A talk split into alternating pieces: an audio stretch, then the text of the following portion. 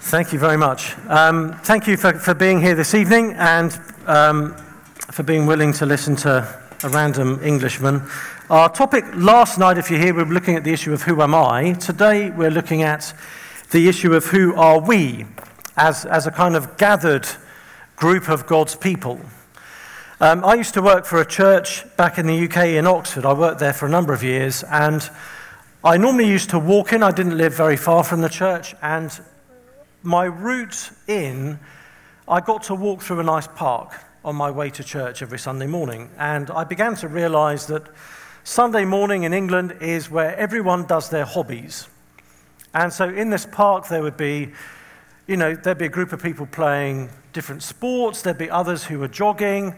Um, and there was one bit I always enjoyed walking past. There was a, a, a small lake in the park, and there was a group of people every single week who would have little remote controlled boats. And there's evidently some club of people who would kind of meet together on a Sunday morning and kind of play with their, their boats on, on the lake. And I love that because it's basically, it's grown-ups, it's adults with toys. And it's like, oh, let's bring our toys to the park at the same time and, and, and kind of play. But as I would walk through there, I'd have my Bible under my arm, I would think, some people would say, I'm just the same as, as everyone else in the park. I'm on my way to my Sunday hobby as well. They've brought their hobby to the park, whether it's boating or sport or jogging, and my hobby is called church. And many people would say that's, that's all church is. It's just the Christian version of what everybody else has, whatever club that they belong to. And you know, we have a shared, a shared interest that, that brings us all together. Uh, we believe some of the same things, um, but then so do other clubs. They're based around a, a, shared commitment, a shared interest. And in most other clubs, you get a, a sense of community being built through that shared interest, of people looking out for each other, of, of pulling together when someone's having a difficult time. But it begs the question then is there anything distinctive about church? Are we simply a slightly Christianized version of all the other clubs that are going on in the city around us, even this evening. And I want to suggest that there is something about who we are that is utterly unique, that is not the same for any other gathered group of people in our country. So I want to suggest that's the case by using three particular pictures the New Testament uses of what a local church is like. And each of these pictures gives us a, another reason why actually the gathering of God's people is a unique gathering. It's not just another club, but there's something very different going on. And I hope this will help us, particularly if we're tempted to think, should I really, do I need to bother going to church? That actually there's something unique here that exists nowhere else in the universe. So here are three biblical pictures of what the church is, and each of them shows us why the church is, is in this sense, unique. Um, firstly, the church is like a bride. Secondly, the church is like a body. And thirdly, the church is spoken of in the New Testament as a family. So let's look at each of these images and, show, and, and let, let them show us what is, is so special about church. Uh, so the church is a bride. Now, that's, that feels like perhaps an unexpected way of thinking about the church. For those of us who are guys, we're sat there thinking, huh? I'm a dude. What's this about me being a bride? Um, but actually, this is, this is the case for all of us. Um, the, the Bible speaks of how everyone who is in Christ is a son of God.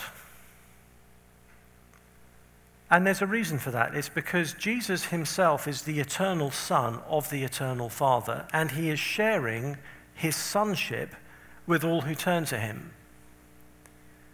So, strictly speaking, whether you are a man or a woman, you are a son of God because you are sharing in that sonship of Jesus. So, women have to get used to being thought of as sons of God, and men need to be getting used to thinking of themselves as being part of a bride, because that is how the New Testament describes the church.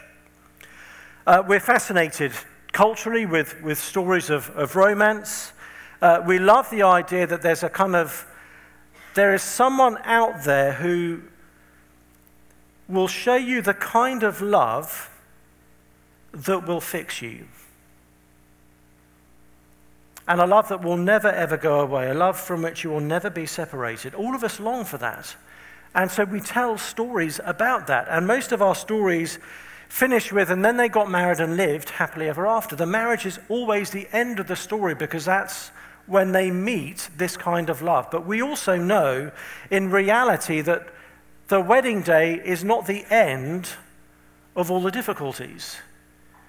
That married life is not simply happy ever after. It's not a love from which you can never be separated, and it's not a love that will fix us.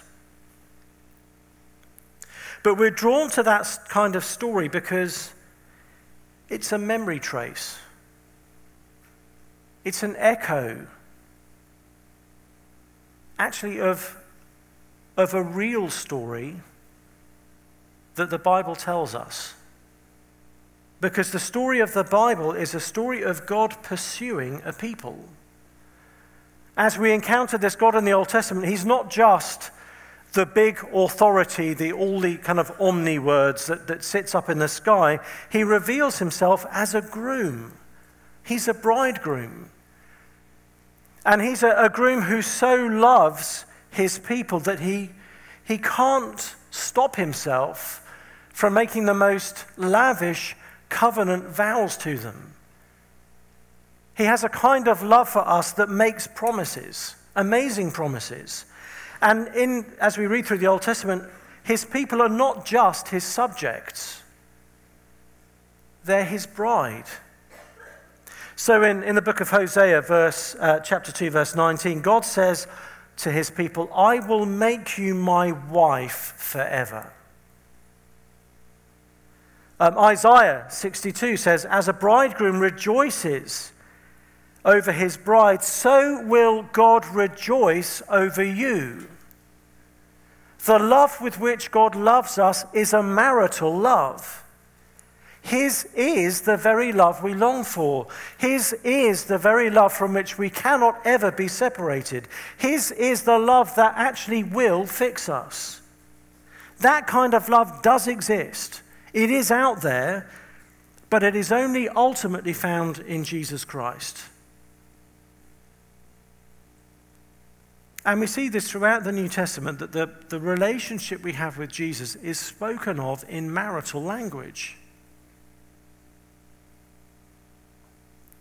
Uh, let me just give you one example of how this applies to, to life as a local church. In 2 Corinthians uh, chapter 11, verse 2, Paul writes to this church and says to them, I feel a divine jealousy for you.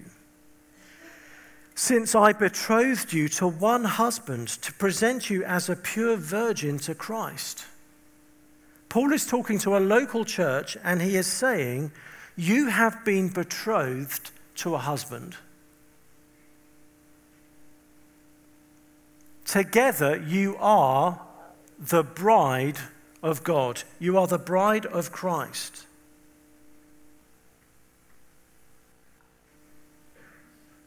And we need to understand that. That is going to shape how we view church. God says that of no other group of human beings on the planet. He doesn't say that about the boating club. He doesn't say that about any other kind of society or party or assembly of any kind. He says it only of the local church that you are my bride.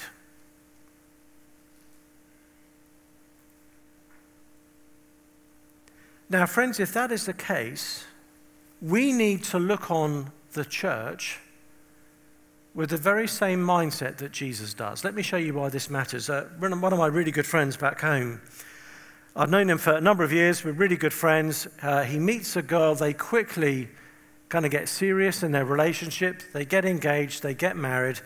And soon after they're, marrying, they're, they're married, I, I catch up with him one day. We're going for a walk. And he says, So tell me, what do you think? What do you think of her? And I said, She's amazing. I said, She's lovely. I can totally see why you, you are head over heels in love with her. And then after the, the conversation progressed, I said to him, By the way, what would have happened if I had said, Actually, I think she's horrible? He said, To be honest, I probably would have punched you, and that would have been the end of our friendship. Now, thankfully, she wasn't horrible, and I didn't, you know, that wasn't a, a risk. But it made me think it's very hard to maintain a friendship with someone if the person that is their beloved you keep saying disparaging comments about. Now, all of us will find our, our own church frustrating in certain ways. No church is everything it should be. But we're not going to get far with Jesus if we keep doing down his beloved, his bride. Um, Second John, um, that short letter in the New Testament, addresses the local church as the chosen lady, the beloved lady. The church is not Jesus' hobby. It is Jesus' bride. And so ultimately, the church matters because of Jesus' love for his bride. So that's the first image. The church is the bride of Christ. Secondly, the church is spoken of repeatedly as a body. Uh, let me share some verses from uh, 1 Corinthians chapter 12 um, Paul likens the local church to a human body. Uh, so Paul says in verse 12, just as the body is one and has many members, many parts, and all the members of the body, though many are one body, so it is with Christ. And actually, Paul is talking then about the local church. The church is like a human body. So think about it. Um, Jan, would you come up? As a, as a, this is a real life specimen of an actual human body. Now, I'm not going to say, hey, let me introduce you to 206 bones, 650 skeletal muscles, and 210 types of cells. Although that is factually correct. That is what the human body contains, amongst many other things. But when you look at a person, you don't think, oh, there's an assembly of all these different parts. You think, hey, it's him. It's my friend. You may sit down. Thank you. Uh, we don't look at a body and think of it merely in terms of all the different bits. We think of it as an entity, as a singularity, as a whole. It is one body. And Paul says the same is true of the local church. The Holy Spirit has gone to work on all of us in such a way that we are now so bound up that the local church is an organism, it is an entity. And it can only be that because each of us is a part of it. Uh, we need all the different bits of the body for the body to work, and we need all the different parts of the local church for the church to work.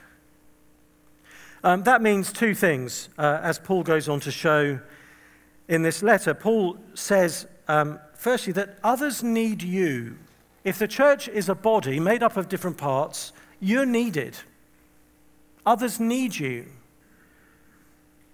Uh, verse 15, Paul says, If the foot should say, Because I'm not a hand, I don't belong to the body, that would not make it any less part of the body. So you can imagine the foot thinking, well, look at how useful the hands are. Look at what someone can do with their hands versus what they can do with their feet. Okay, if you look at people's feet, most people's feet look like a bit of a disaster. Okay, they look like a bit of a genetic experiment that's gone terribly wrong. There's kind of toes pointing in weird directions and toenails that have kind of semi imploded and weird stuff, hair in weird places as well. Uh, our feet are not normally our most attractive feature. I'm, I'm guessing on your social media profile pictures, you don't have a picture of your feet. That's not your kind of, you know, that's, that's going to be what I, I most project to a watching world is my feet. So you can imagine the foot thinking, man, I'm not a hand. Sucks being a foot. The hand is so much more useful. I just, I'm not needed here. But of course, that isn't true. We need the foot. We can't do half the things we do with our hands were it not for the fact that our feet takes us where we need to be to do those things. And there are a number of us who feel spiritually a bit like a foot, thinking, well, I can't do those things that I see other people doing in church. Therefore, I just don't feel like they need me here. But Paul says that is not true. Because you are not somebody else does not mean you don't belong to the body. Does not mean you are any less a vital part of the local church congregation to which you belong. You are every bit as necessary as the parts of the church that look like they're most useful and most visible and most important. So there's an encouragement there. You need it. When you don't go to church, the church lacks something. But there's a challenge because it means you have no reason to be uninvolved. You have no reason not to contribute. The person that you are is needed in your local church.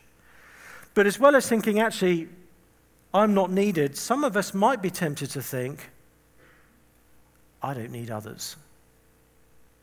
So Paul says in verse 21 the eye cannot say to the hand, I have no need of you, nor again the head to the feet, I have no need of you. Actually, all of us need the others. So others need you, and you need others. If you're the kind of Christian who thinks, well, I don't get anything out of going to church, you're a fool. And you don't understand yourself. If you're someone who's thinking, I don't really need other Christians to help me, to shape me in Christ, to teach me, to correct me, you are saying God's a liar. Because he says you do need those things. Um, the book of Hebrews in, in chapter 10 says, Don't give up meeting together as some are in the habit of doing but rather encourage one another. Interestingly, the opposite of not going to church is encouraging one another. So the letter to the Hebrews says, You need church, and church needs you because all of us need encouragement. So here's something to pray for every time you go to church. Each week, pray, Lord, please help me to receive an encouragement today. Might be from the teaching, it might be a comment someone makes to you, it might be by the way somebody serves you, it may just be seeing another Christian persevering through difficulty, but be thinking, Lord, please encourage me this week. And the second thing to pray is, Lord, help me encourage one other person. At least one other person. May I be an encouragement. So, even this evening, before you go home, think is there some way I can be an encouragement to my brothers and sisters. God is assuming you need the encouragement of others, and others need the encouragement of you. And the beautiful thing is, because we're all different people, we do that in slightly different ways. There's a really U shaped way of being an encouragement to other people. So don't look down on yourself and don't look down on others. Uh, Paul says that the body is, is a unity. So in verse 26, he says, if, if one member suffers, all suffer together. If one member is honored, all rejoice together. What happens to one of us affects all of us because we're a body. Um, a little while ago, I was walking around my home barefoot and I mistimed closing my bedroom door and withdrawing my foot uh, from, the, from the doorway. And I discovered the painful way that the gap between the bottom of the door and the floor is precisely the height needed to snap my toenail backwards off my big toe. That'll make you just feel slightly sick this evening. Um, let's just say it was painful. But here's the thing it wasn't just my toe that was affected, other parts of the body joined in in solidarity. so I made a noise out of my mouth. Uh, my, my mouth managed to emit a noise of a, of a pitch I didn't know I could reach. Uh, my eyes started watering. My hand thought gripping my toe would somehow help. And my leg decided this was a good moment to start hopping.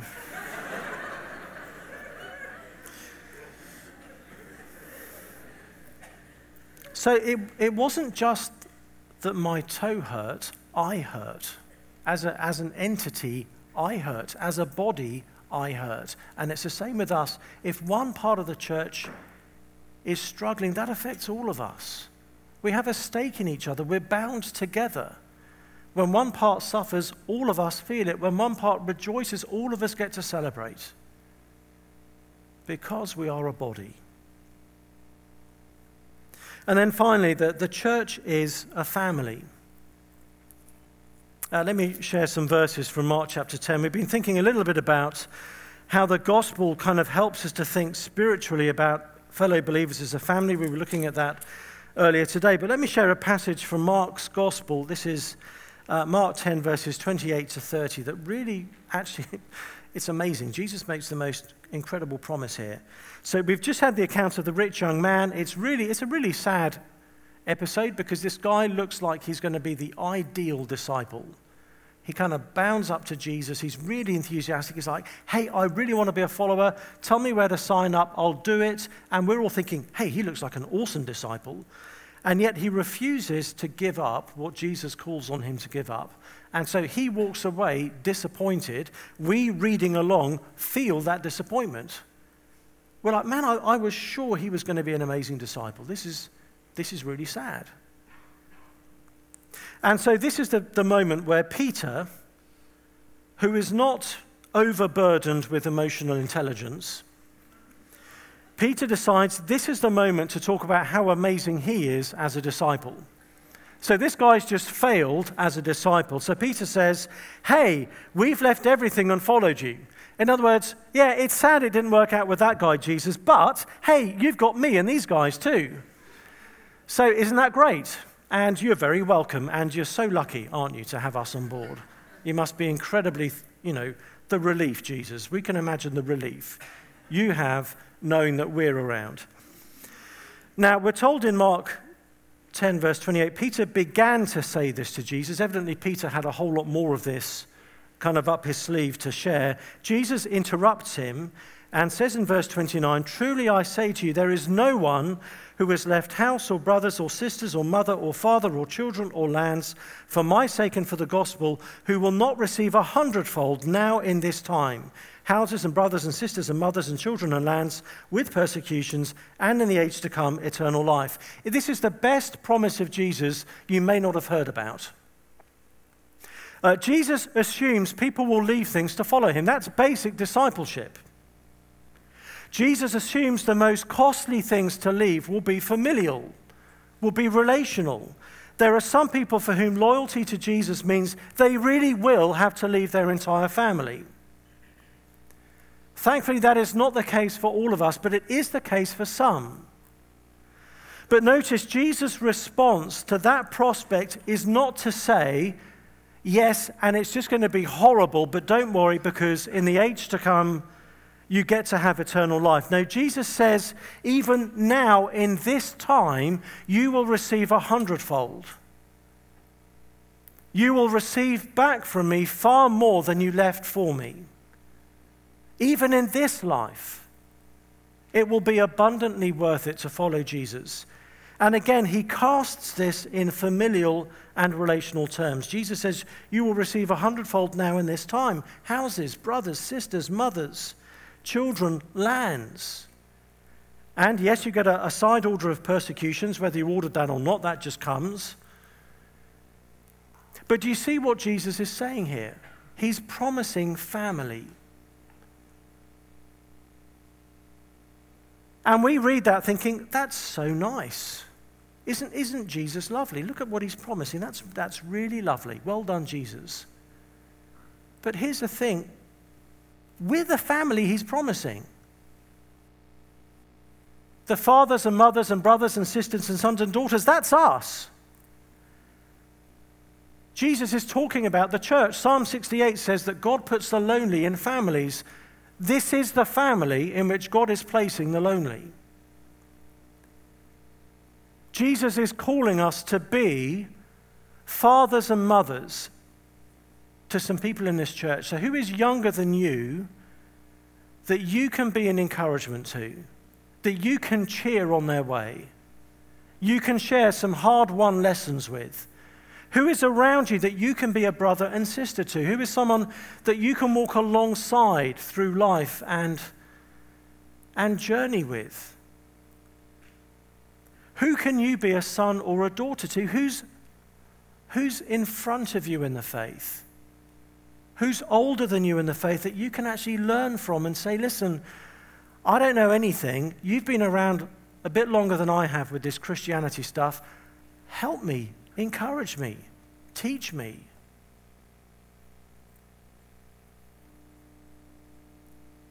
We are a family as the gathered people of God, not just a family that we've created, a family God has created. We don't make ourselves brothers and sisters. That only happens if God is our Father. If God is my Father, then you are my brother or my sister. And in the life of the local church, you become my, my mother, my father, my son, my daughter. So here's the question for you and it's not loaded because I don't know how things work here.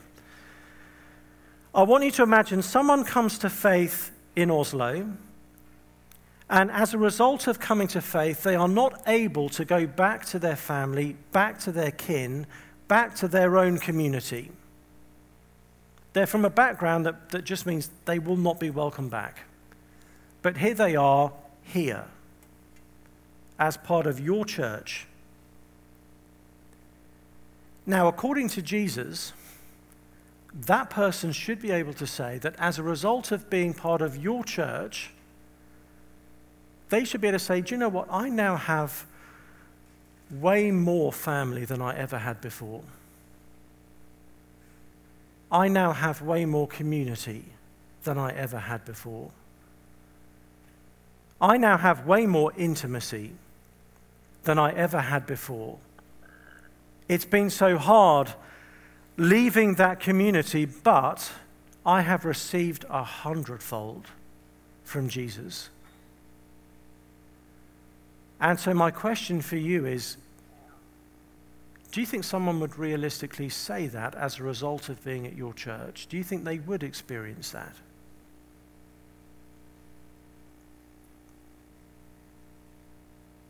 Think about that. It really matters because if the answer is, do you know what? We've got a lot of strengths as a church, but actually, no. I don't think we are that kind of family.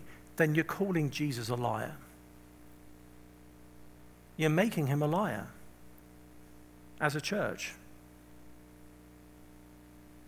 But if your answer is, do you know what? We're messed up in so many ways in this church, but we are genuinely a family together pretty dysfunctional, but genuinely, we're a real family to each other, then you are incontrovertible evidence to a watching world that this is no merely human gathering. That there are people here who've been made family into each other and the only way of accounting for that is the presence of God here.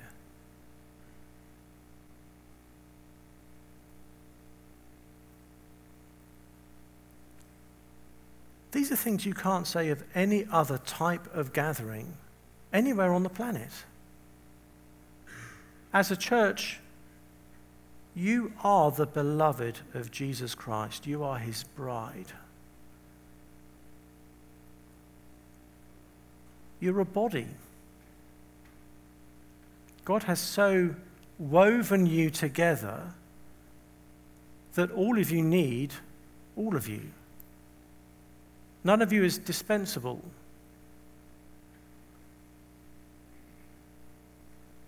And you're a family. And actually, the, the deepest category of family is not people who have the same family name, but the people who have been baptized into the same triune name. As we take bread and wine, let's think about how the body of Christ has made us into a body because his body was broken, this body has been assembled. Because his blood was shed, we now have a, a spiritual blood that unites us.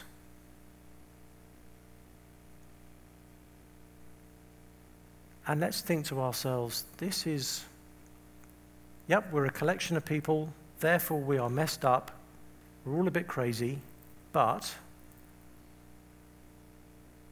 God is here.